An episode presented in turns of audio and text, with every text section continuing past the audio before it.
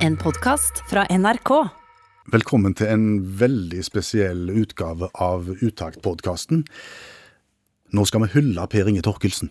Per Inge Torkelsen, som dessverre har gått bort, men som har vært en stor inspirasjonskilde for oss og for mange. Og han har jo vært en bidragsyter òg mange ganger i de radioprogrammene vi har lagd opp gjennom åra. Mm. Du er født i Stavanger, og antageligvis hadde du et, et enda nærere forhold til Per Inge enn meg som er vokst opp i Haugesund. Jeg husker jo første gang jeg så Per Inge Torkelsen. Han husker det nok ikke, for eh, det han gjorde var at han dro rundt og tryllte eh, for lag og organisasjoner. Jeg- Monsieur M, kalte han seg. Monsieur M, ja. Og jeg satt i bomberommet på det som er Sant Svithun videregående skole, og hadde fotballavslutning med Vidar sitt guttelag. Vi hadde fått brus, vi hadde fått pølser i trekantpose, vi hadde sett smalfilm, altså sånn med, rett og slett med, med rull, Ja, ja. av Pelé. ja. Og nå hørtes jeg enda eldre ut enn jeg faktisk er, fordi at vi husket jo ikke Pelé, eh, vi som var så unge, men det var det som var på smalfilm. Pelé, som da Pep, var sponset av Pepsi, og sto og trikset med ball. Check. Og så kommer Monsieur M. Å ja. Og det var sterkere enn Pelé, da? Det var mye sterkere enn Pelé. Han hadde jo det samme håret da som han eh, har hatt i alle år. Det var stort, og det var hvitt, og det var høyt, og det var langt, og det var overalt.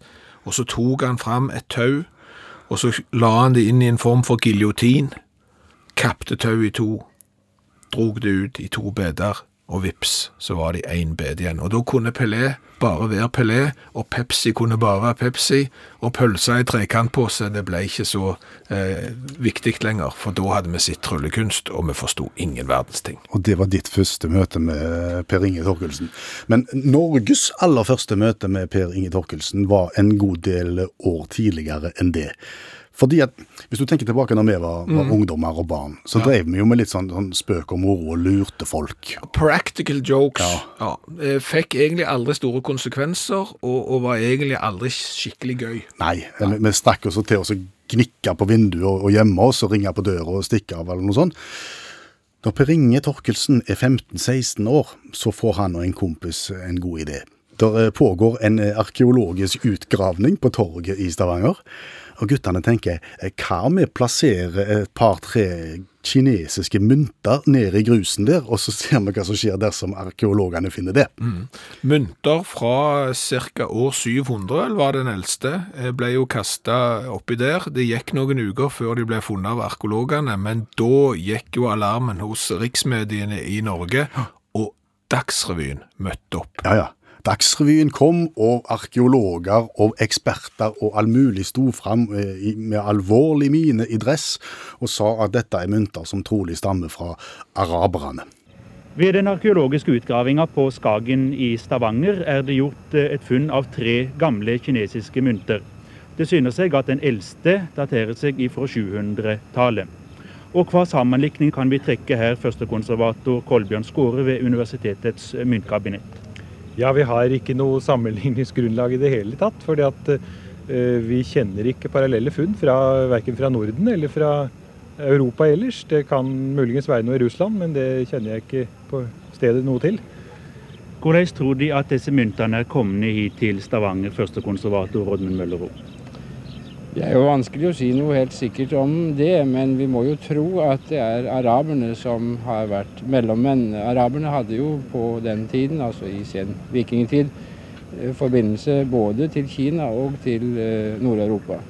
Og det sannsynlige er vel at de er kommet hit over de russiske elvene via araberne.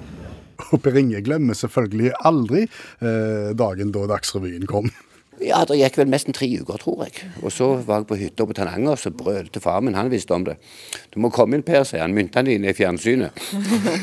så var det en svær reportasje i Dagsrevyen for arkeologisk sensasjon i sentrum av Stavanger. Men så gikk det jo noen år. Og så var det jo Løgnaslaget som på en måte ble arnestedet for alt det som Per Inge i seinere tid har bedrevet. Og det har jo utspring ikke veldig langt ifra der vi sitter nå, i radiostudio til NRK i Rogaland, for der ligger Lærerhøgskolen, som det het da, tror jeg. Eh, Der gikk jo Per Inge og mange av de andre som ble med i, i Løgnaslaget. De lagde et eh, revymiljø, og jeg husker når de satte opp sin første revy, de satte den opp på, av alle plasser, museet i Stavanger. De begynte på museet der, ja. Jeg Ja. tror det var der du endte. jeg. Det skal du eh, fort tro. Og jeg var ti år når denne her eh, revyen ble satt opp, så jeg var jo for unge til å gå på det, men jeg husker jo de som var tre, fire, fem år eldre enn meg, som hadde hørt om dette løgnerslaget, og som hadde vært eh, ja, Det kan godt hende det er noen som skrøyde seg opp her, men, men iallfall kjente noen som hadde vært på museet og sett på denne galskapen. Og etter hvert så havna de jo da på norsktoppen også. Det kan jeg huske. Det er mitt aller første møte med løgnerslaget. Eh, Jeg sitter hjemme og, og, og hører plutselig en sang om en som Som både angrer og som eh, ja, har gjort mye galt. Eh, Sangen om Bertine.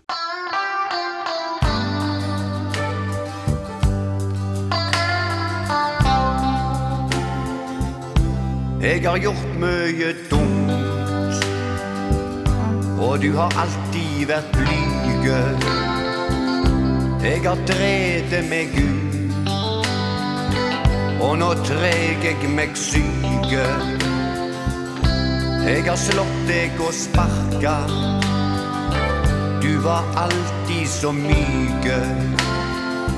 Jeg slo deg mesten i hæl. Og nå treg jeg meg syke Kom hjem, kom hjem, kom hjem Bertine, kom hjem, kom hjem, kom hjem. Kom hjem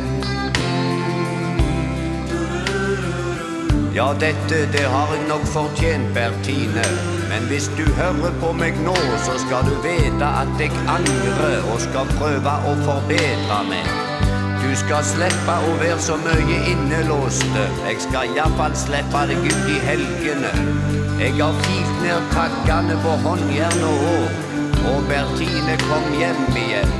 Jeg skal aldri tenne fyr på huset mer. Jeg skal heller aldri mer gjemme den nye trefoten din. Du har bedet og klort med. Heile tida du lyger. Jeg har bundet deg fast, og nå treg jeg meg syke. Jeg har slått deg i skallen, mine drammer var dryge. Jeg har drukket opp lønna, og nå treg jeg meg syke. Kom hjem, kom hjem, kom hjem, Bertine, kom hjem, kom hjem, kom hjem, kom hjem. Ja, hele kveldene kunne jeg sitte der og bare beundre deg. Disse varme øynene, eller øya siden du mista det ene i fireårsalderen. Den nusselige nasen din med alle de sjeldne vortene. Det blendende smilet ditt med tennene så du alltid musta ned i suppetallerkenen. Og ikke å forglemme den flotte trefoten din som redda livet vårt den julaften det var så kaldt. Ekteskapet er hard, Ekteskapet er hard, og svært ofte det ryker. svært ofte det ryker. Jeg har aldri vært snille, Han har aldri vært snille, og nå treg jeg meg syke. Ja, nå treg han seg syke. Kom hjem, kom hjem, kom hjem, Bertine, kom hjem, kom hjem, kom hjem, kom hjem.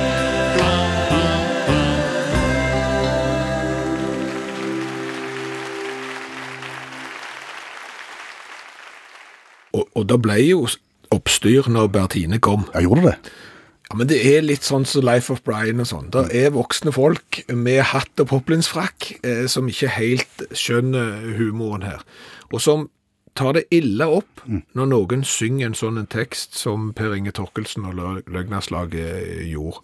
Så det ble, du kan ikke synge sånn, og, og, og, og nei, konemishandling, og jeg vet ikke hva det var, men Norge fikk øynene opp for både Per Inge og Løgnaslaget. Og etter hvert så blir Per Inge rikskjendis, og, og sketsjene dukker opp i det ene programmet etter det andre. Jeg husker at i forbindelse med en, jeg tror det var en cupfinale, så kommer Per Inge og kollega Steinar Lyse på scenen. Hvem? Eh, Per Inge og Steinar Lyse sammen på scenen. Det var ikke ingen. Nei, det var, det var Per Inge og Og Steinar Lyse. Ja, du skjønte den, vet du, for det er hvem og ingen-sketsjen. Hvem kom på scenen under en fotballgalla? Jo, det var, som du sier, Per Inge og, og Steinar Lyse med sin norske versjon av eh, Who's on First. Hvem og ingen. Men fotball, du er jo interessert i fotball, du. Lite grann. Ja. Men jeg må jo si jeg er litt forundra over alle disse kallenavnene, ikke sant? Myggen og Matta og Mini Ja, ja. og Kniksen og Jo, jo, jo. Fygaren og Ja, Chips og Ja, jo, jo, jo, men det er jo bare kallenavn. Kalle en voksen mann for Mini, det, det, det. Ja, jo, jo. Men jeg husker i gamle dager, du. Gamle dager. Favorittlaget mitt, det var Havørn. Ja vel. Ja. Glimrende lag. Havørn. Og hvem spilte senter? Hvem? Hvem spilte senter? Hva er det jeg spør deg om? Hva det du spør meg om? Hvem spilte senter? Det er jo det jeg sier til deg, mann? Hva da? Hvem spilte senter? Kan ikke jeg vite, jeg har aldri sett i det laget ditt. Men altså, de kalte han for Hvem. Det var kallenavnet hans. Hvem. Og så skal det være vennskapskamp mot Vigrestad. På Vigrestad, husker jeg. Så hadde de ingen i mål. Hadde de ingen i mål? Hadde ingen i mål. Steindumt. Var du som var lagleder, da? Nei, altså, de kalte han for Ingen. Ingen het han. Kalte han for Ingen. Så husker jeg det var fem minutter igjen av kampen, så var det uavgjort. 0-0. Så var det utspill fra mål. Hvem spilte ut? Ingen spilte. ingen som spilte ut. Ingen spilte ut, og hvem tok imot ballen? Hvem? Hvem tok imot ballen? Hvem var han? Ja, Ja, okay, ok, ja. ja, ja. Og hvem spilte seg inn gjennom? Ingen skulle tro, tro, skulle tro det ble en farlig situasjon. ikke sant? Og hvem runda bekken der? Ingen. Hvem runda bekken der? Ingen gikk ut for å møte. Ingen. Ingen gikk ut for å møte. Hvem fikk en sjanse og trylte til? Hvem drøyte deg? Hvem drømte det? Ja, ingen heiv seg så lang var. Hvem heiv seg langt over? Ingen hev seg så lang var. Hvem ble dytta av en? Og dommeren blåste straffespark. Straffe mot hvem? Ingen! Hvem la ballen på straffemerket? Ingen stilte seg opp i mål. Ingen forsto hvor farlig dette var. Ingen var jo helt ute av spillet. Hvem hadde sin livssjanse? Hvem? Hvem hadde sin livssjanse? Dommeren blåste. Hvem drylte av? Ingen heiv seg til feil side. Hvem tok Og hvem dukket opp som lyn fra klar himmel? Hvem? Ingen! Men hvem tok ballen? Ingen tok ballen. Hvem reiv seg i håret? Ingen. Hvem reiv seg i håret? Ingen hadde redda laget. Ingen hadde redda laget, og hvem skulle ha trodd det? Ingen. Ja! Jeg tror ikke det er så mange som har sett mer Løgnaslaget enn deg, egentlig. Nei, iallfall ikke i minutt. Nei. Fordi at eh, jeg er utdanna fotograf. Og heldigvis så har vi hatt så gode krefter i NRK i Rogaland at vi har dokumentert de aller, aller fleste Løgnaslag-revyene opp igjennom. De har jeg vært med på å filme, Ja. og så har jeg vært med på å redigere de etterpå, så Ja. da har jeg jo sett de en del ganger. Eh, Så har vi jo òg publisert dette som DVD. Og den lagde jeg. Ja. Dermed har jeg sittet noen ganger til. ja, jeg skjønner. Og klipt ut og klipt ut, så du kunne jo Løgnaslag-revyene eh, baklengs ei stund. Og da har jeg lyst til å spørre deg, hvis du skal plukke ut én variant nå, der Per Inge er i hovedrollen, Ja. fra alle disse revyene, hva ville du valgt da?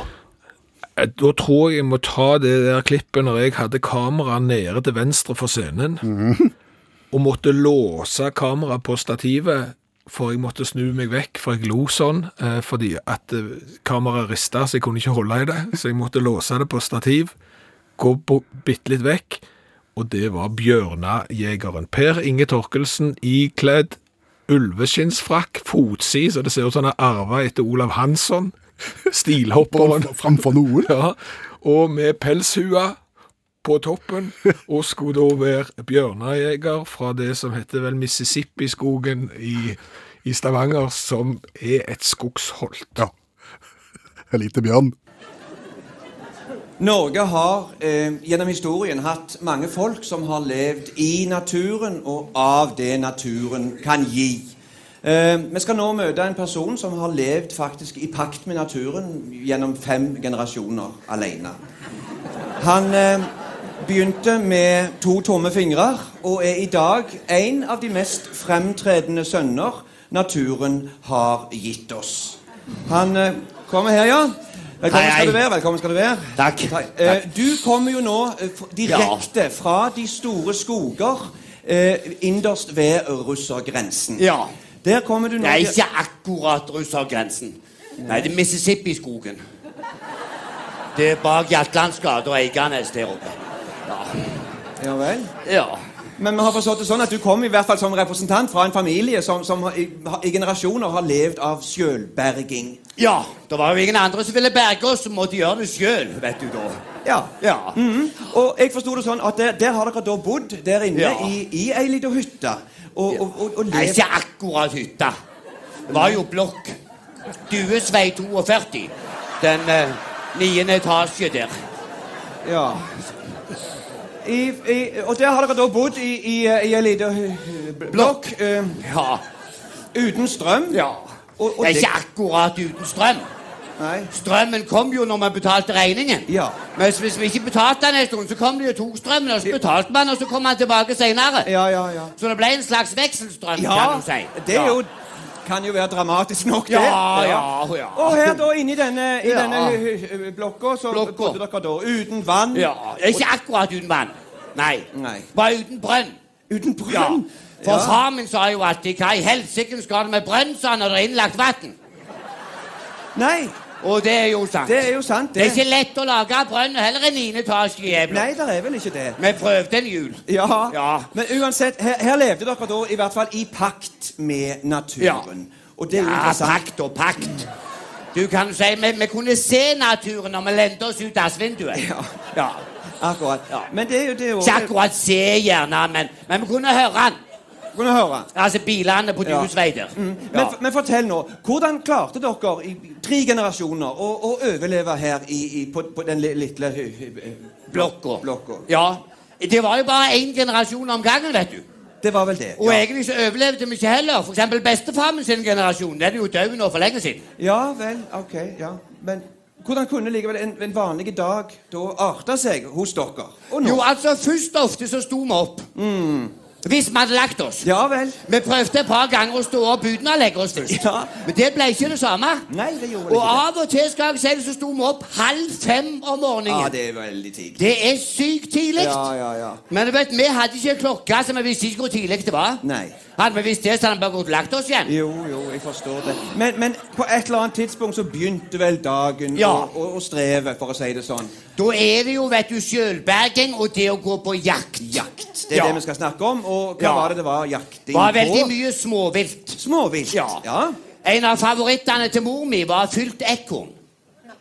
Fylt ekorn. Ja, det var et ekorn som fylte vettene i mange uker der. Ja. ja vel, ok. Ellers var det mye lemen. Lemen. Ja, både bitterlemen og så de som var litt lettere til sinns. Mor min lagde ofte sprengt lemen. Spre Ja. Saltsprengt lemen. Nei, hun sprengte det med dynamitt. ok. Det ble lite mat ut av det, men vi holdt varmen på den måten. Ja, akkurat. Ja, vel, For ok. blokka tok alltid fyr. Jeg gjorde vel det. Eh, Husker vi hadde besøk av søskenbarn til kusinen min fra Amerika. Og jeg tror ikke han likte lemen. Nei vel. For hele tiden så sa han 'I want more', 'I want more', sa han. More, ja. Så fikk han da det. More. Mårpølse og sånn. Småpølse. Men, men altså, mår betyr jo, betyr jo mer. Nei, det er mor mi. Ville hun ha mer? Nei, hun har bare hun er mer. Ok, ja, ok. Men, men vanker det ikke noe ekstra? Jeg tenker litt høytider, jul og kanskje Å, noe, jo. noe god pinnekjøtt eller noe sånt? Nei, altså til jul hadde vi ofte kalkun. Kalkun? Ja. ja, det er jo godt, så Det er ikke akkurat kalkun, det var måke. Eh, Men mor mi tok og pakket den inn i trolldeig så det skulle ligne han. Ja vel! Ja. Ok. Har du smakt det? Nei, Nei. det har jeg vel ikke. Det minner om pappmasje. Det gjør vel det. Ja. Akkurat. Så derfor så gikk vi mer over til bjørn. Bjørn. Bjørn til jul. Bjørnejakt. Ja! Ok, ja, dette Ja. er jo interessant. Da snakker vi om storviltjakt. Å ja, kjempevilt. Ja, Ja. Men fortell. Da må du liksom fortelle hvordan foregikk bjørnejakt. Starta jo da tidlig på morgenen. Det er jo en slags generasjonsjakt, dette, hvor hele teamet går ut. Akkurat. ja. Det er far min, Ja og så er det meg, og så er det sønnen vår. Sønnen til deg og far din? Ja. Ja, Men mor di, da? Nei, hun er enka. Så gikk Ja vi da okay. ut gjennom der, tidlig på 11-12-tida på morgenskvisten. Såpass tidlig? Så lista vi oss ut så ikke en kvist var tørre. Ikke sant? Så hadde vi alt dette utstyret med oss. Alt utstyret. Og masse ja, utstyr. Men du, ah, som jeg nevner utstyr og bjørnejakt, det viktigste er vel her et, kraftig gevær? Og ikke bare det, vet du. Du må ha en kniv òg. Kniv? Kniv, ja. Og hammer, selvfølgelig. Hammer? Og så togelur. En kraftig togelur må du ha. Pluss en skikkelig temt pitbull terrier. Pitbull terrier? Så er vi klar. Ja vel. Så lister vi oss inn gjennom der, vet du, for ikke å skremme bjørnen. Nei. Det, det, det det er ikke mye bjørner med Mississippi-skogen. Nei, det kan jeg tenke meg.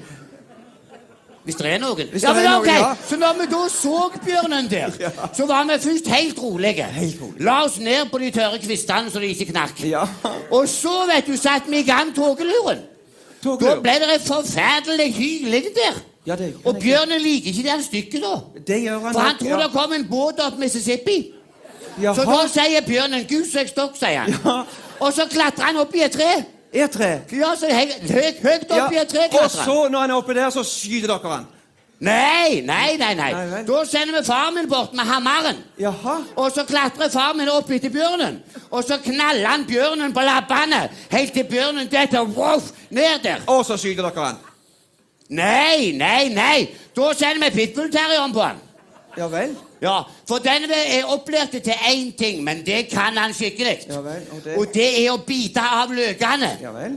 Bjellene til stiklene, Ja, ikke ja, sant? takk. Jeg vet hva Ja, Så den sprengte Det henger under pilken. ja jeg vet godt Den hvor det er. sprengte nå bort der, Ja. og så glefsa han av ballene på bjørnen. Ja, der, vel. ikke Ja, sant? ja.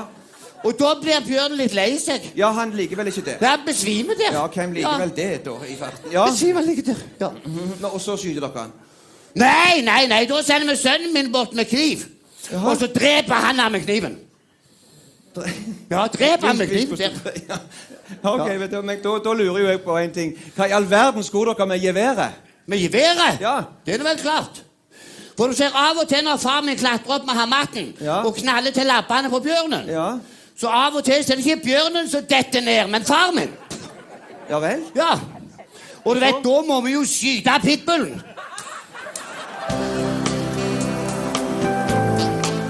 Den er en av de bedre. Det er den absurde delen av eh, Per Inge. Mm. Det syns jeg er utrolig gøy. Og da nyheten om eh, Per Inges død kom, så er det jo mange som ønsker å si noe, og mange som har mange gode ord å si om eh, Per Inge. En av de, kulturminister Abid Raja, som har møtt han både i profesjonell og privat sammenheng. Det var med stor sorg vi mottok denne nyheten. Um, og det Alle som har kjent og sett eh, og møtt eh, Per Inge, eh, vet jo at han var jo ikke bare en en, en komiker, underholder, av ypperste kvalitet, for å legge til det. Det, det var han jo. Selverklært klovn, som skapte glede og begeistring for så mange generasjoner. Altså Tenk så mange som har fått oppleve han mens han levde, altså i alle de ulike rollene.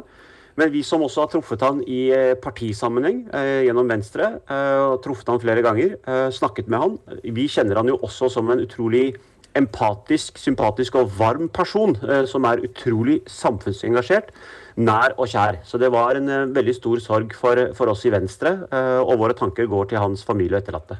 Kulturminister Abid Raja snakket altså da om komikeren og venstrepolitikeren Per Inge Torkelsen. Partikollega der, altså.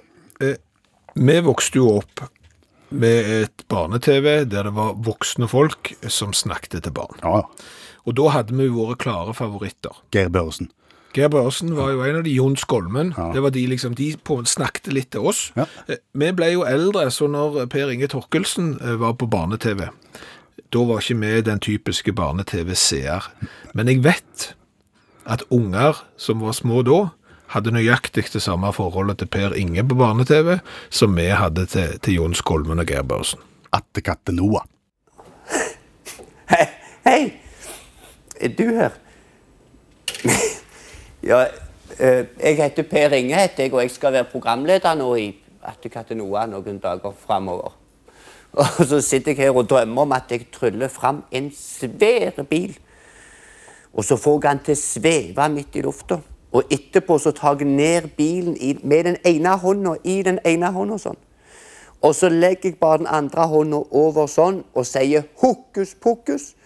Og så er bilen helt vekke. Men det er jo det er bare en drøm, og jeg får ikke til sånne store, fine, flotte ting. Det er klart at Når barne-TV finner en eh, mann som er god til å trylle, og som er lidenskapelig opptatt av leker, da har du en kombo som fungerer ganske godt til barne-TV. Ja, han samler på sykt mye. Ja. Ikke bare leker. Nei, ikke bare leker. Eh, Donald-blader, egentlig tegneserier eh, generelt. Jeg tror han har noen av Norges eldste tegneserier. Jeg har vært hjemme hos han og, og, og filma de. Eh, kjøpt på auksjon og, og samla, og i permer og Tex Willer og alle de der bladene som skulle til. Ville Vesten. All slags hadde han. Og etter hvert så grunnlegger han altså det som eh, heter Norsk barnemuseum i Stavanger. Og i ettertid så har han jo sagt at det er det han er aller mest stolt av, av, av det som han har fått til gjennom hele karrieren. Og det er jo ikke rent lite. Et museum for barn, der barn kan gå, der voksne kan gå sammen med barn, der både barn og voksne kan lære. Og så er det jo så irriterende med Per Inge at han husket jo så godt. Alt husker han. Sånn at du kunne jo spørre han om hva som helst, og hvis du spurte han da om eh, leker produsert i Stavanger, så var det sånn, ja, mhm, der borte, der som Lerdal nå produserer sånn eh, avansert medisinsk utstyr, der lagde de plastikkbiler. De produserte 18 millioner av de i det tidsrommet der. Mhm, mhm. Så kan du gå ned til Østre bydel, i den gata der, tror det er nummer 9, oppe i annen etasje der, der var det en sånn leketøysfabrikant, og det, så, så alt han huskte. Og apropos all den kunnskapen. Eh, humorkollega av han, Arnt Olav Klippenberg fra Egersund, som også er journalist i Stavanger Aftenblad, poengterer særlig dette her med den voldsomme bakgrunnskunnskapen hans som han hadde i alt det han bedrev. Jeg kan, jeg kan bare fortelle for eksempel, Siste samtalen jeg hadde med Per Inge Han ringte til meg, for han jobba med et eller annet rundt Sankt Svithun og relikvien som lå i domkirka før reformasjonen. Og så visste han at jeg var opptatt av relikvier i forbindelse med vikingtida Og sånne ting. Og da, da sitter altså meg og Per Inge og snakker en halvtime om relikvier fra før reformasjonen. Så han, han, han var jo kjempeallsidig. Arnt Olav Klippenberg, komiker og journalist. Og snart pensjonist. Han òg? Jeg vil tippe det. Mm. Altså, det er voksen, Arnt Olav. Og hadde han vært pensjonist, så hadde han garantert fått eh, gjennomgå av eh, Per Inge Torkelsen. For, for han hadde det med å si ifra. Jaha. Han sa fra til pensjonister, eller til eldre, gjennom den store, stygge eldreboka. Og så sa han fra til idrettsfolk gjennom den store, stygge idrettsfolka. Boka. Gi ungene brennevin før idretten eh, tar de. Sa han blant annet. Sa han blant annet. Og han hadde dokumentert dette, Per Inge. Han hadde tallgrunnlag som viste at idrett var farlig og sånn og sånn og sånn. Så jeg tror ikke det var så mange som kunne ta han på akkurat tallgrunnlaget. Noen ble jo selvfølgelig litt eh, irriterte på form, men når du står fram som idrettshater, så får du oppdrag på idrettskaller. Smart.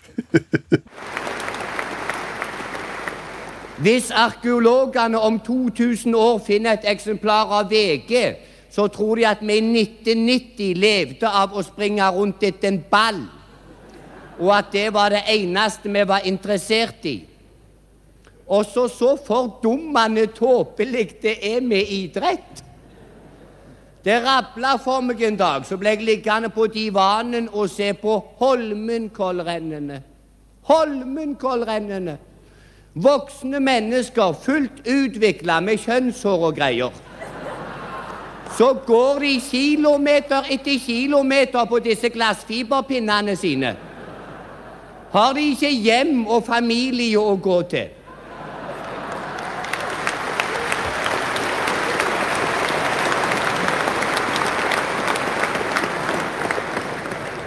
«50 kilometer er det noen som går. Og så ender de opp akkurat der hvor de starta. De kan ikke være mye intelligente. Og så av og til så hopper de i lufta. Fire et halvt sekund hopper de. Jeg har tatt tida på dem. Så går de opp 3600 trappetrinn, og så gjør de det pikete en gang til.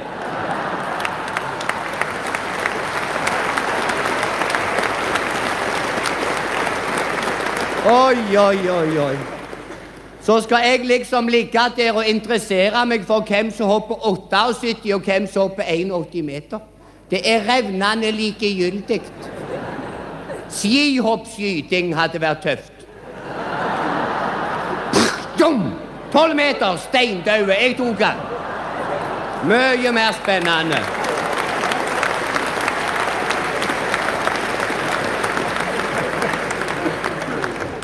Og alkohol og narkotika. Alle undersøkelser tyder på at ingen drikker så mye alkohol som idrettsfolk. Og sannsynligvis er det vel ingen som bruker så mye dop og stoff og narkotika som idrettsfolk. Vi vet det, det er bare toppen på isfjellet, dette. De drikker alle. Matti Nykenen har ikke vært edru siden dåpen.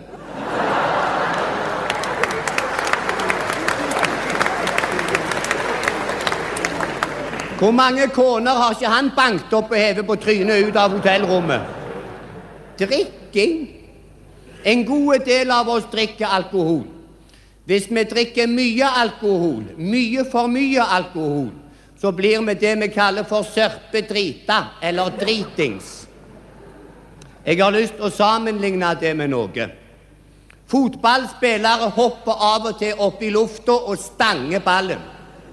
Det er mange som lever av dette. Hva er det du er? Jeg er ballstanger. På fagspråket heter dette å hette en ball, for det høres mye mer norsk ut. Jeg leste i et tidsskrift at hver gang en fotballspiller hetta ballen, så fikk spilleren en liten hjernerystelse, og så døde det 20 000 hjerneceller. 20 000 hjerneceller per heading. Gøran Sørloth i Rosenborg har hetta ballen 184 000 ganger. Multipliser det med 20 000 hjerneceller og spør om han har noen igjen.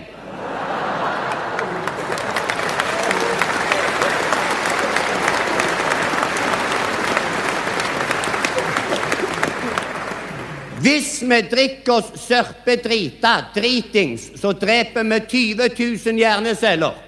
Det er det samme som én heading. I stedet for å hedde, så kunne Gøran Sørloth vært sørpedrita hver dag i 362,5 år. La meg si nei til alkohol innen idretten. La meg si nei til narkotika innen idretten. Og la meg si nei til hele idretten. Takk. Han la seg altså ut med idrettsfolk, gjerne da i, i bokform, og etter hvert også på scenen. Men apropos bok. Vi hadde jo òg et bokprosjekt uh, i utakt. Ja, eh, direkte boka, eh, der vi ville snu litt på rekkefølgen i hvordan du skriver en bok. For det er jo normalt sett sånn, en forfatter eh, setter seg ned og begynner å skrive, gjerne i Berlin over en flaske rødvin, eh, får boken sin eh, godkjent. Så blir han gitt ut, så kommer det en mann fra Teaterhøgskolen og leser inn en lydbok, og så er du på en måte i mål. Ja. Kunne vi snu den eh, prosessen på hodet, kunne vi begynt med lydboka. Ja. Og fordelen med det er at du da trenger du ikke skrive den. Så vi satte oss i et radiostudio en eh, lørdag og snakket i syv-åtte samfulle timer, eh, det som skulle være ei bok. Og mens vi sitter der Ja. og snakker inn denne direkteboka, så sitter Per Inge Torkelsen i nabostudio, for han er gjest i et radioprogram. Ja. Og så ser vi at han er ferdig i det radioprogrammet, og så smetter vi ut på gangen, for vi tenker, skulle det vært mulig å få med Per Inge eh, på et kapittel i direkteboka? Han er på ingen måte forberedt, men sånn som alltid ellers, når vi spør, så sier han ja. Så han, han kommer inn i studio, dumper ned i stolen, og plutselig så er han en del av direkteboka vår, og forteller en sjølopplevd historie om nakne damer. Etter det vi har grunn til å tro. Kapittel 11. Eh, Nå skjedde det plutselig ting under innsnakkingen av denne boka. Ja, det, for tilfeldigvis så var Per Inge Torkelsen i nabostudiet her og krangla med Vidar Lønn Arnesen for fjerde gang denne uka om eh, eldre bør ha rabatt eh, på buss og på revy og, og den slags. Og så tenkte vi siden dette er en improviserte bok, om ikke vi kunne ha en gjesteforfatter i ett kapittel. Ja, og hvorfor ikke da bruke en som både er løyen og som har gitt ut mange bøker før? Kan du gi oss noen råd på veien først, kanskje, Per Inge, om det å gi ut bok? Hva bør vi tenke på nå? Ja, det, det som kan være vondt, er hvis du har en forlegger som bestemmer hvordan boka skal være, og stryker. Jeg husker jeg skrev 17 sider i ei bok, så strøyk de 16,5 av de. For de sier du forteller i det, første avsnittet og i det siste. De 16,5 sidene imellom her er bare piss.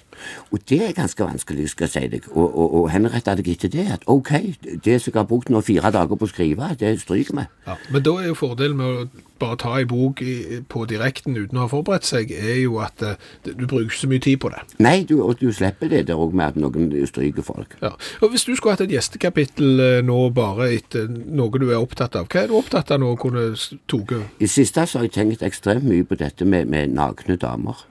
Eh, Litt fordi òg at jeg merker når du sier nakne damer, så blir folk sykt interessert i det, og så tror de at nå kommer det noe spenstig noe. Og jeg tenker på Altså, jeg var vel 13 år da jeg begynte å reagere og erigere på, på nakne damer. Og da var det et blad som kom som het Kriminaljournalen.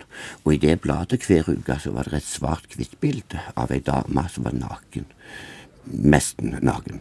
Og så kom det ut ei avis etter Verdensrevyen hvor det var tegninger av nakne damer, og av og til så var det et bitte, bitte lite bilde av nakendamer naken som vi kikket på, og så tenkte vi at det, det, det, det er nak det er sikkert en naken dame, eller det kan gjerne være druer, eller lapskaus, jeg er ikke sikker. Og så hadde jeg en kamerat som het Egil Michaelsen i Steingata 21. Han gikk i turnen. Og han kunne fortelle at i turnen der var det damer som dusja helt nakne. I dusjen rett ved sida av der guttene og mennene dusja. Og så kunne han òg fortelle at det var ei låst dør mellom dusjene, men nederst mot gulvet så var det ei glipe under døra, og der kunne du lure inn et lommespeil, og da kunne du se helt nakne damer.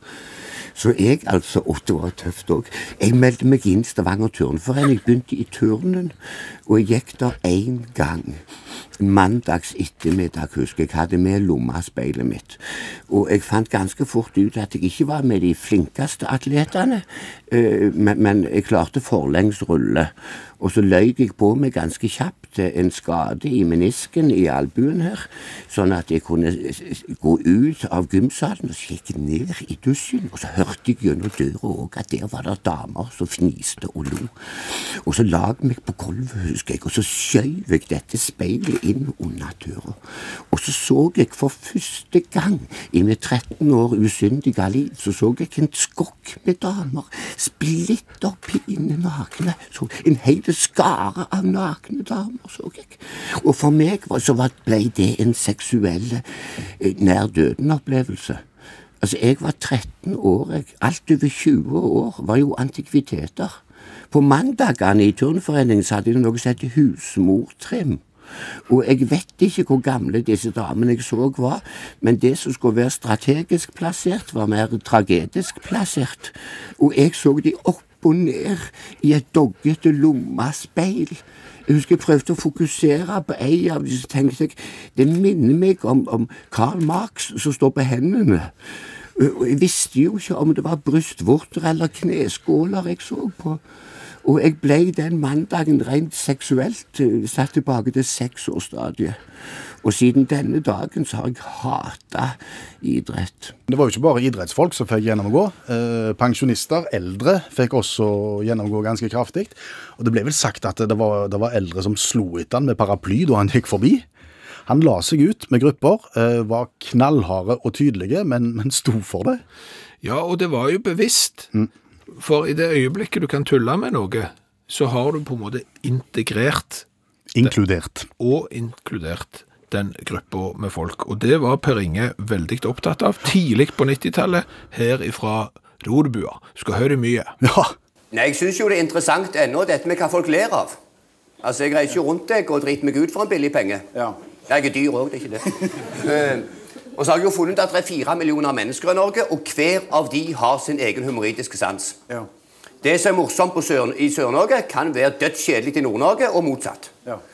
Og alle har sin egen grense. Det er festlig, men det, etter kan vi ikke le av. Å nei, fysj og føy sann. Så merker jeg òg at denne grensen flytter seg sykt i forbindelse med alkohol. Etter seks halvlitere så ler du av helt andre ting enn du lo av klokka syv om kvelden. Ja. Og når folk har drukket 16 halvlitere, så kan jeg bare si rumpa, Ja. og så ler de i tre kvarter. Det er kjempefestlig. Pluss det som også er interessant, det med yrkesgrupper, syns jeg. Ja. Hver yrkesgruppe har sin form for humøstiske sans. På lærerrommet jeg er utdanna lærer. Jeg er lite intelligent. Jeg fire år på lærerskolen ble adjunkt. Det er det lengste frikvarteret jeg har hatt. Men lærere kan sitte på lærerrommet og le seg skvett i hele av kommafeil. Mens på sykehuset der sitter de og ler seg he helt i hjel. De detter ned stolen når de snakker om tarmslyng. Det er festlig på sykehuset. Helt merksnodig, egentlig. altså. Kona mi hadde sommerjobb en del år på kjerkegård, en kjerkegård på Sandnes. Og For å jobbe på kjerkegård så tror jeg at de har en litt spesiell humoristisk sans. Litt beinharde. liksom. Hun var så stolt at det 800 mann under seg. Men det var veldig lite liv på jobben og den slags. Og hun snakket med en del av de som jobber med å kremere mennesker. De har en beinhard humoristisk sans. Du må utvikle din egen humor for å kunne overleve i arbeidslivet. Elektrikere har elektrikerhumor. Det kom en strøm av folk til festen. Det var lite spenning, og det ble litt amperstemning. Nilsen kom, han var ute på sikring. Ikke sitt der og isoler deg. Ta deg hen. Han slo volt midt på gulvet. Det er spesielle type humor. Men selv har diverse sånne såkalte tabuemner. Nå tror jeg det går an i 1992 å fortelle vitser om homofile og lesbiske. Og det synes jeg er fint. Trekker vi det tilbake. Da. Ja. jeg skal ikke ta opp det. Nei. Det går òg an tror jeg, nå å fortelle pakistanervitser. Det syns jeg òg er bra. Og det går òg an å fortelle vitser om handikappa til en viss grad. Det syns jeg er flott og nydelig, for da er disse menneskene integrert i samfunnet. Når du kan vitser med folk, da er du på en måte på bølgelengde med dem. Det syns jeg er fint. Det som er tabu Jeg må reise meg. Får folk lyst på stangselleri og sånt? Det er fint. Ja. Eh, I Norge i dag tror jeg etter min erfaring at det er fem-seks tabuemner. Eksempel kreft skal du ikke vitse med. Og det syns jeg er veldig trist. Kreft er en streit sykdom som mange får, og de fleste blir friske av den. Men du skal ikke vitse med det.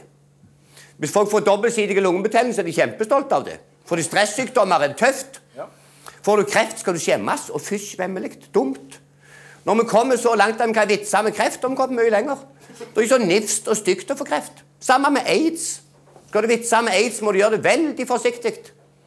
Jeg mener, du kan si Bjørn Eidsvåg. kan du si. Eidsvoll har du. Eidsivating lagmannsrett. Sjokolade har du after aids. Beatles skrev en sang som het Aids Days a Week. Som òg spilles av heavy mentalgruppe ACDC. Men du skal liksom ikke vitse med sånt. Ikke kreft, ikke aids, ikke Sissel Kyrkjebø. Ikke kongehuset. Hvorfor kan du ikke vitse med kongehuset? Kong Olav husker vi ingen lo vel så mye som han. Eller knegte. Festlige fyr. Kong Harald ser grei ut. Sonja har jeg sett flere ganger nesten har smilt. Ser kjekk ut, hun òg. Og hun der kronprinsessa Märtha Louise, hun som alltid har en hest mellom beina. Det er klart du kan vitse med de. Og når Per Inge sier at han kan tulle med, med alt, så fikk jo det sitt skal du si, eh, dramatiske klimaks i den siste revyen som Løgnaslaget spilte, i, i 2016. Da han la seg ut med en frisør, eller da de la seg ut med en frisør i Bryne. Kalte en frisør fra Bryne for eh, nazifrisør, og det endte jo med noen runder i retten. Ble frikjent eh, til slutt, men løgnanslaget og Per Inge sto på viktigheten av å ha ytringsfrihet i, i landet. Og syns nok sjøl òg, jeg hørte i intervjuet, at det var, det var tøft. Det var ubehagelig. Og det var ubehagelig, men det var nødvendig. Pål Mango Kvammen, eh, som også er en eh, humorkollega av Per Inge, hadde regi for eh, denne siste forestillingen, og har kjent Per Inge i alle år. Han er jo den eh, eh, største Stavanger-personligheten siden Alexander Kielland i mitt hode. Så, eh, så her håper jeg at hyllest og gode minner kommer godt frem. For at det, er først og fremst det jeg har med Per Inge, det er gode og løgne minner. Han var kompromissløs, og han var kontroversielle. Og, og det er det jo mange som er, men det er veldig få som er det med utgangspunkt i de kunnskapene som han hadde. Hver gang vi diskuterte noe, kan vi si det, kan vi gjøre det, så hadde han ganske godt grunnlag for å mene det han mente. Det var ikke han var ikke en synser. Nei. Eh, Han mente ting på grunnlag av eh, ting han visste. Ja, altså, Det som står igjen for meg, er jo et ufattelig savn. Et tomrom uten like. Og det er jo ingen som kan fylle det rommet der. Jeg hører jo at de sier at ingen er uerstattelige, men, men han er. Komiker fra Stavanger, Pål Mango Kvammen. Vi har jo sysla litt med forestillinger, du og meg også.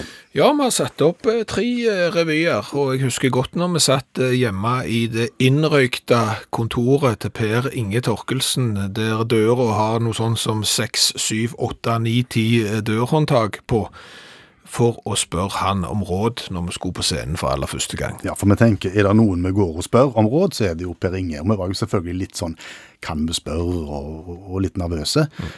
Men for en imøtekommenhet, og for en hjelpsomhet. Ja. Og for en støtte. Absolutt. Mange gode råd, mange gode forslag, og ikke minst mange gode advarsler. Det må du ikke finne på, det må du ikke finne på, og det må du iallfall ikke finne på. Og det er jeg glad for at vi har hørt på. Og så husker jeg en ting han sa, at eh, ja, nå skal dere spille den første, men husk at det kommer til å komme mye mer folk på den andre. Ok, ja, så dere må ha et litt, litt lengre løp på dette her. Ikke, ikke, ikke gi dere med den første. Så, Ja, den første revyen du tenker på, ja. Ja, ja, ja, for. Hvis du har satt opp én, så kommer det mer på den andre, ja. Ja, ja, ja. Så han ga oss på en måte selvtillit til, til å bare ture på her, og, og det tok vi med oss. Og han kom jo på forestillingene våre. Han så de, og han ringte og han meldte etterpå og ga tilbakemelding helt uoppfordra. Det betyr mye når du er ny. Helt like var vi da ikke i måten å angripe det der revymaterialet på. Det må jo være lov å si. Nei, for vi vurderte jo en stund å spørre om han ville rett og slett ha regi på, på forestillingen vår. Ville han være regissør? Ja, og det sa han ja til. Ja.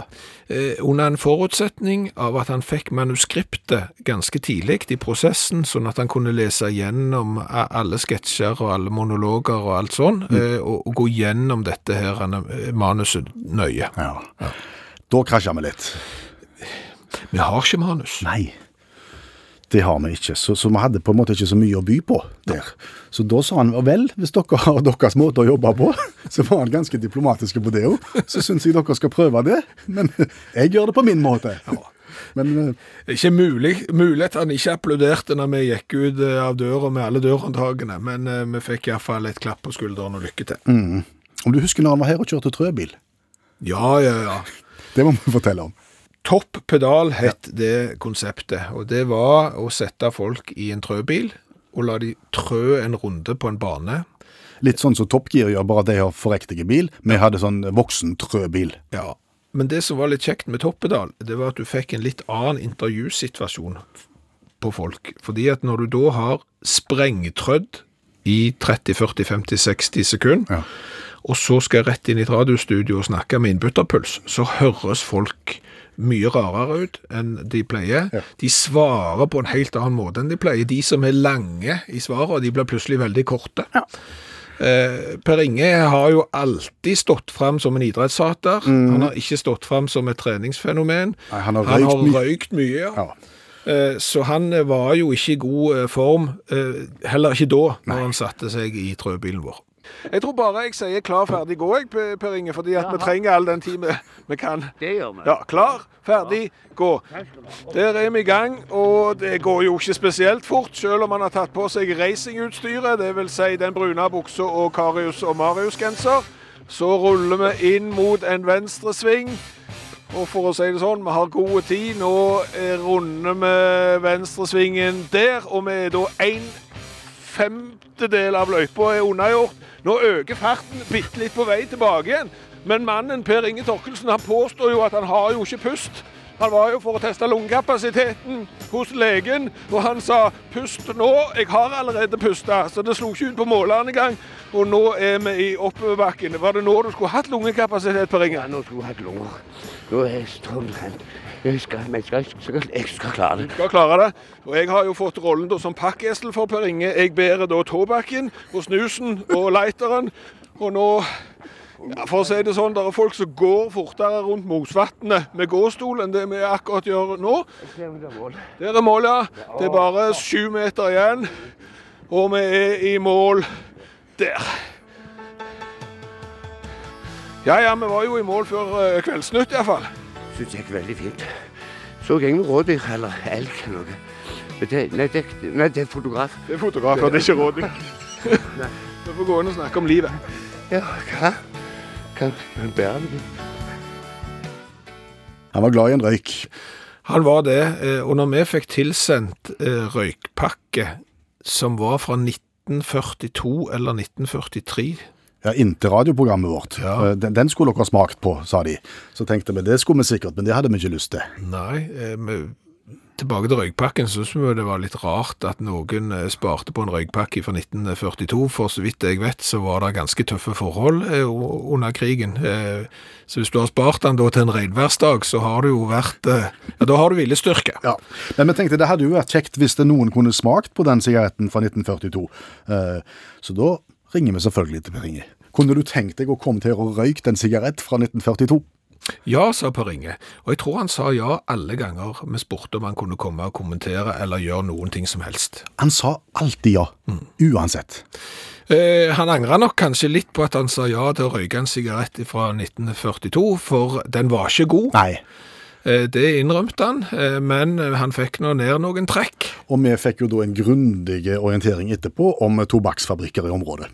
Og det kan han selvfølgelig. For det har vært lokale tobakksfabrikker i, i Stavanger-området.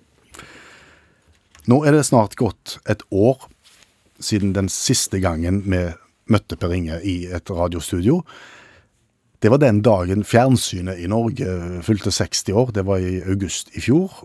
Og da tenkte vi, hvem kan vi, hvem kan vi ringe som husker den dagen godt, og som kan beskrive den første dagen?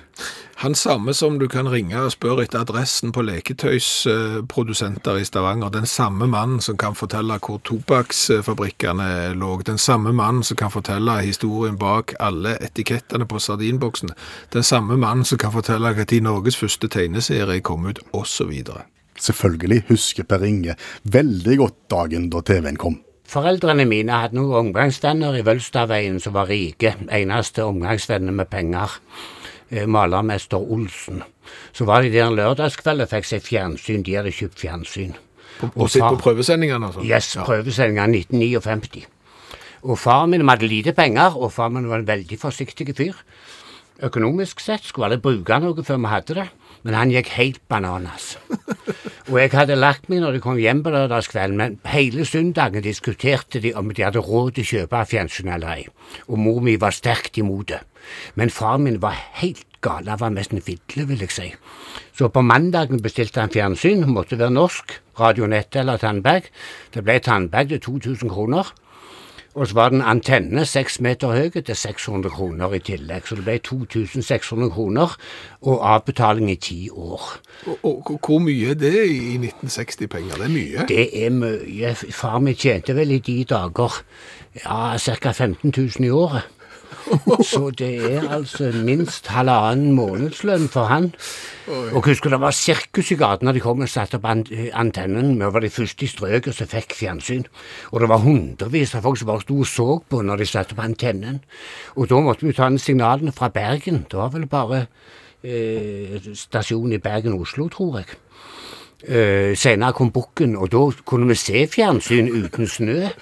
For, for de, de første åra det var jo fikk aldri en hel film. Så forsvant bildet, så forsvant lyden, og så ble det bare snø. Alt var galt.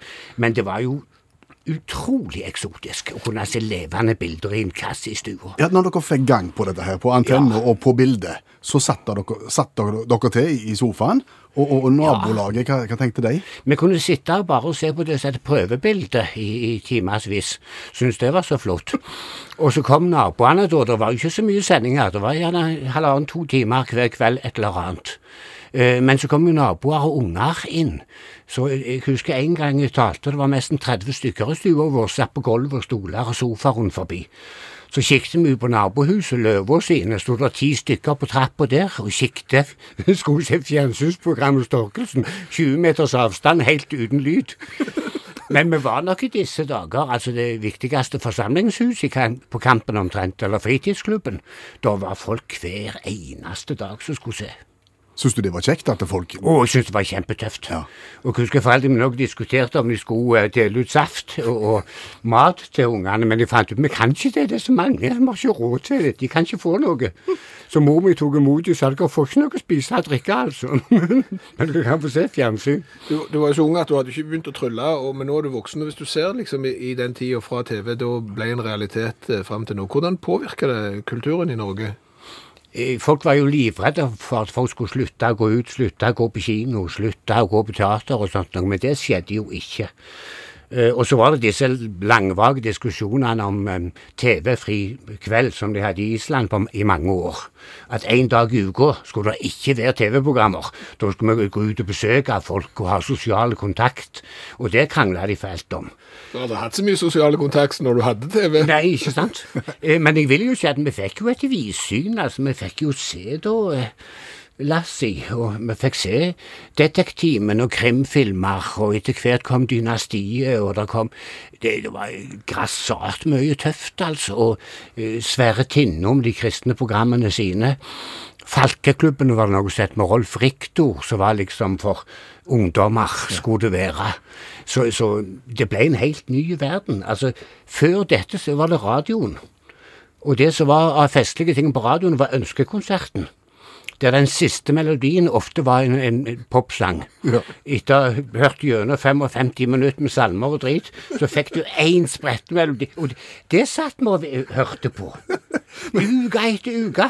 Så det ble en helt annen verden. Det kom fjernsyn med levende bilder. Poppa antennene opp i nabolaget fort? Ja, de kom ganske fort. Ja. Og hvordan kamerater meg, Stig, Kåre Stig Arild Tørsdal, i Nils Skjulsgade 74. Han var hjemme hos oss for å se fjernsyn, så spurte far min «Eh, har dere fått fjernsyn nå, Stig. Nei, men vi har fått antenne. så det var noen òg som bare kjøpte antenne, så vi skulle tro de hadde fjernsyn. Klar, klarer du å, å fornemme, kjenne på følelsen av akkurat denne dagen for 60 år siden? Kjenner du lukta av stua? Ja, jeg, og så kjenner jeg jo Jeg har jo sett noen programmer i reprise, eh, og det er, jo skjedd noe. altså, det. det var jo så tregt. Altså, alt var tregt. Sketsjer, Prammen og Madammen, alt, alt hva det var. Det gikk så seint. Og når kong Olav snakket, det gikk så seint, alt i sammen. Eh, Så det husker jeg. Så var det en som het Frances Bull, som kunne sitte i en, en time og snakke om Bjørnstjerne Bjørnson eller et eller annet. Og det, det var radio på fjernsynet, han bare snakket. Men han snakket godt, og det var tøft og fascinerende. Og vi satt jo der stort sett bare fordi at det var noe som levde, iallfall. Det, det var noe liv her. Verden ble iallfall aldri den samme etter denne dagen for uh, 60 år siden. 60 år siden. Nei. Det er rart å tenke på at han er vekke nå. Det er veldig spesielt. Jeg tenker, hvis vi skal avslutte denne spesialpodkasten til minne om Per Inge Torkelsen, så tror jeg vi skal gjøre noe som han hadde likt at vi hadde gjort. For han tulla jo med alt, og han tulla med egen sykdom. Og med det nummeret, Per Inge, så sier vi i Utakt-redaksjonen tusen takk for laget. Rune, ja, føler du deg nå eh, som 100% medlem av Løgnas At du er liksom en, en, en av gjengen? Ja, fullstendig? 100 Ja, vet du hva da? Det gjør jeg virkelig. Ja, Ja. Så du føler ikke på noen som helst måte at du skiller deg ut? Nei. Nei. Nei, nei. nei. Det. Var ikke Tenk, Rune, Rune, spør, tenk, Bjørn har, har, sitter med gitaren. Han har kreft. Han har prostatakreft i to år. Så, men det går, det går veldig, veldig bra. Ja, det går veldig fint. Ja, ja, ja. Og Dag? Jeg har hudkreft. Det har jeg hatt i mange år. Det går veldig Ja. fint. Og nå har Per Inge fått kreft. Ja. Prostatakreft. Bare prostata, så det er flott. Ja, ja. men jeg vet det. Eh, Men, men Rune, eh, hva forteller dette deg? Det du tenker på nå Det forteller at du er den eneste av oss som ikke har kreft.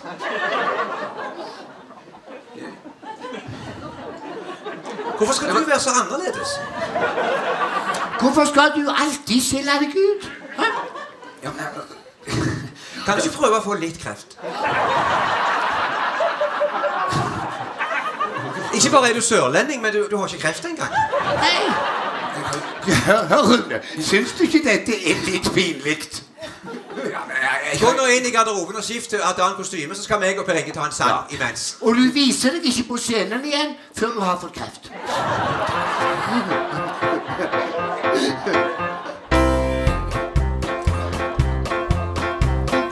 Jeg dingler rundt og kjeder meg hele tida. Jobbing, middag, soving, bøker, kryssord og vas. Alt var blitt rutine, hva skulle jeg finne på nå? Alt var blitt så kjedelig, og alt var et mas. Men nå har jeg fått kreft, jeg har fått kreft. Nå er det flammer i gamle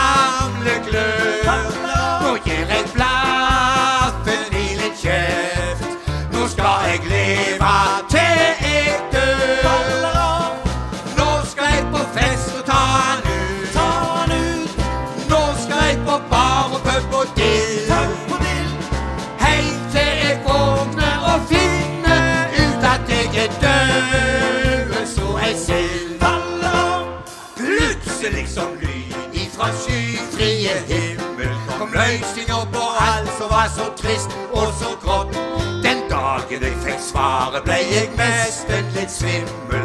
Nå er livet spennende, og alt er blitt kjent. Har du ikke kreft, har du ikke kreft, da har du noe å glede deg til. Du trenger ikke si det til en kjeft, det er privat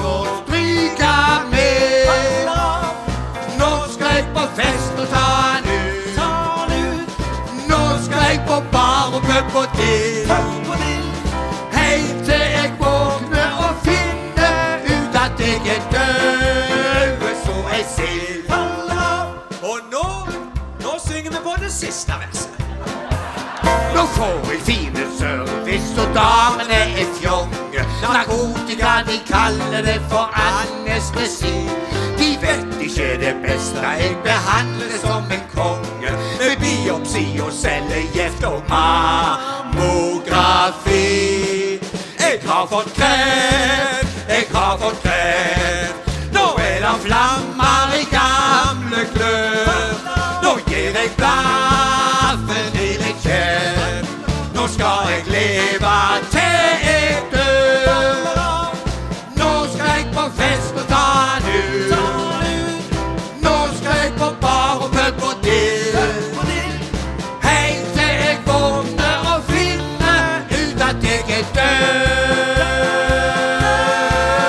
Så jeg sild, hipp hurra! Jeg angrer litt på kjeften min av og til. Vært litt for Du må ikke være så frisk i språket, sa mor mi alltid. Det hender jeg har sagt en halv setning for mye, men jeg har stort sett klart, syns jeg, å ro meg i land etterpå. Og så er jeg ikke redd for etter hvert å si unnskyld. Du har hørt en podkast fra NRK. Hør flere podkaster og din NRK-kanal i appen NRK Radio.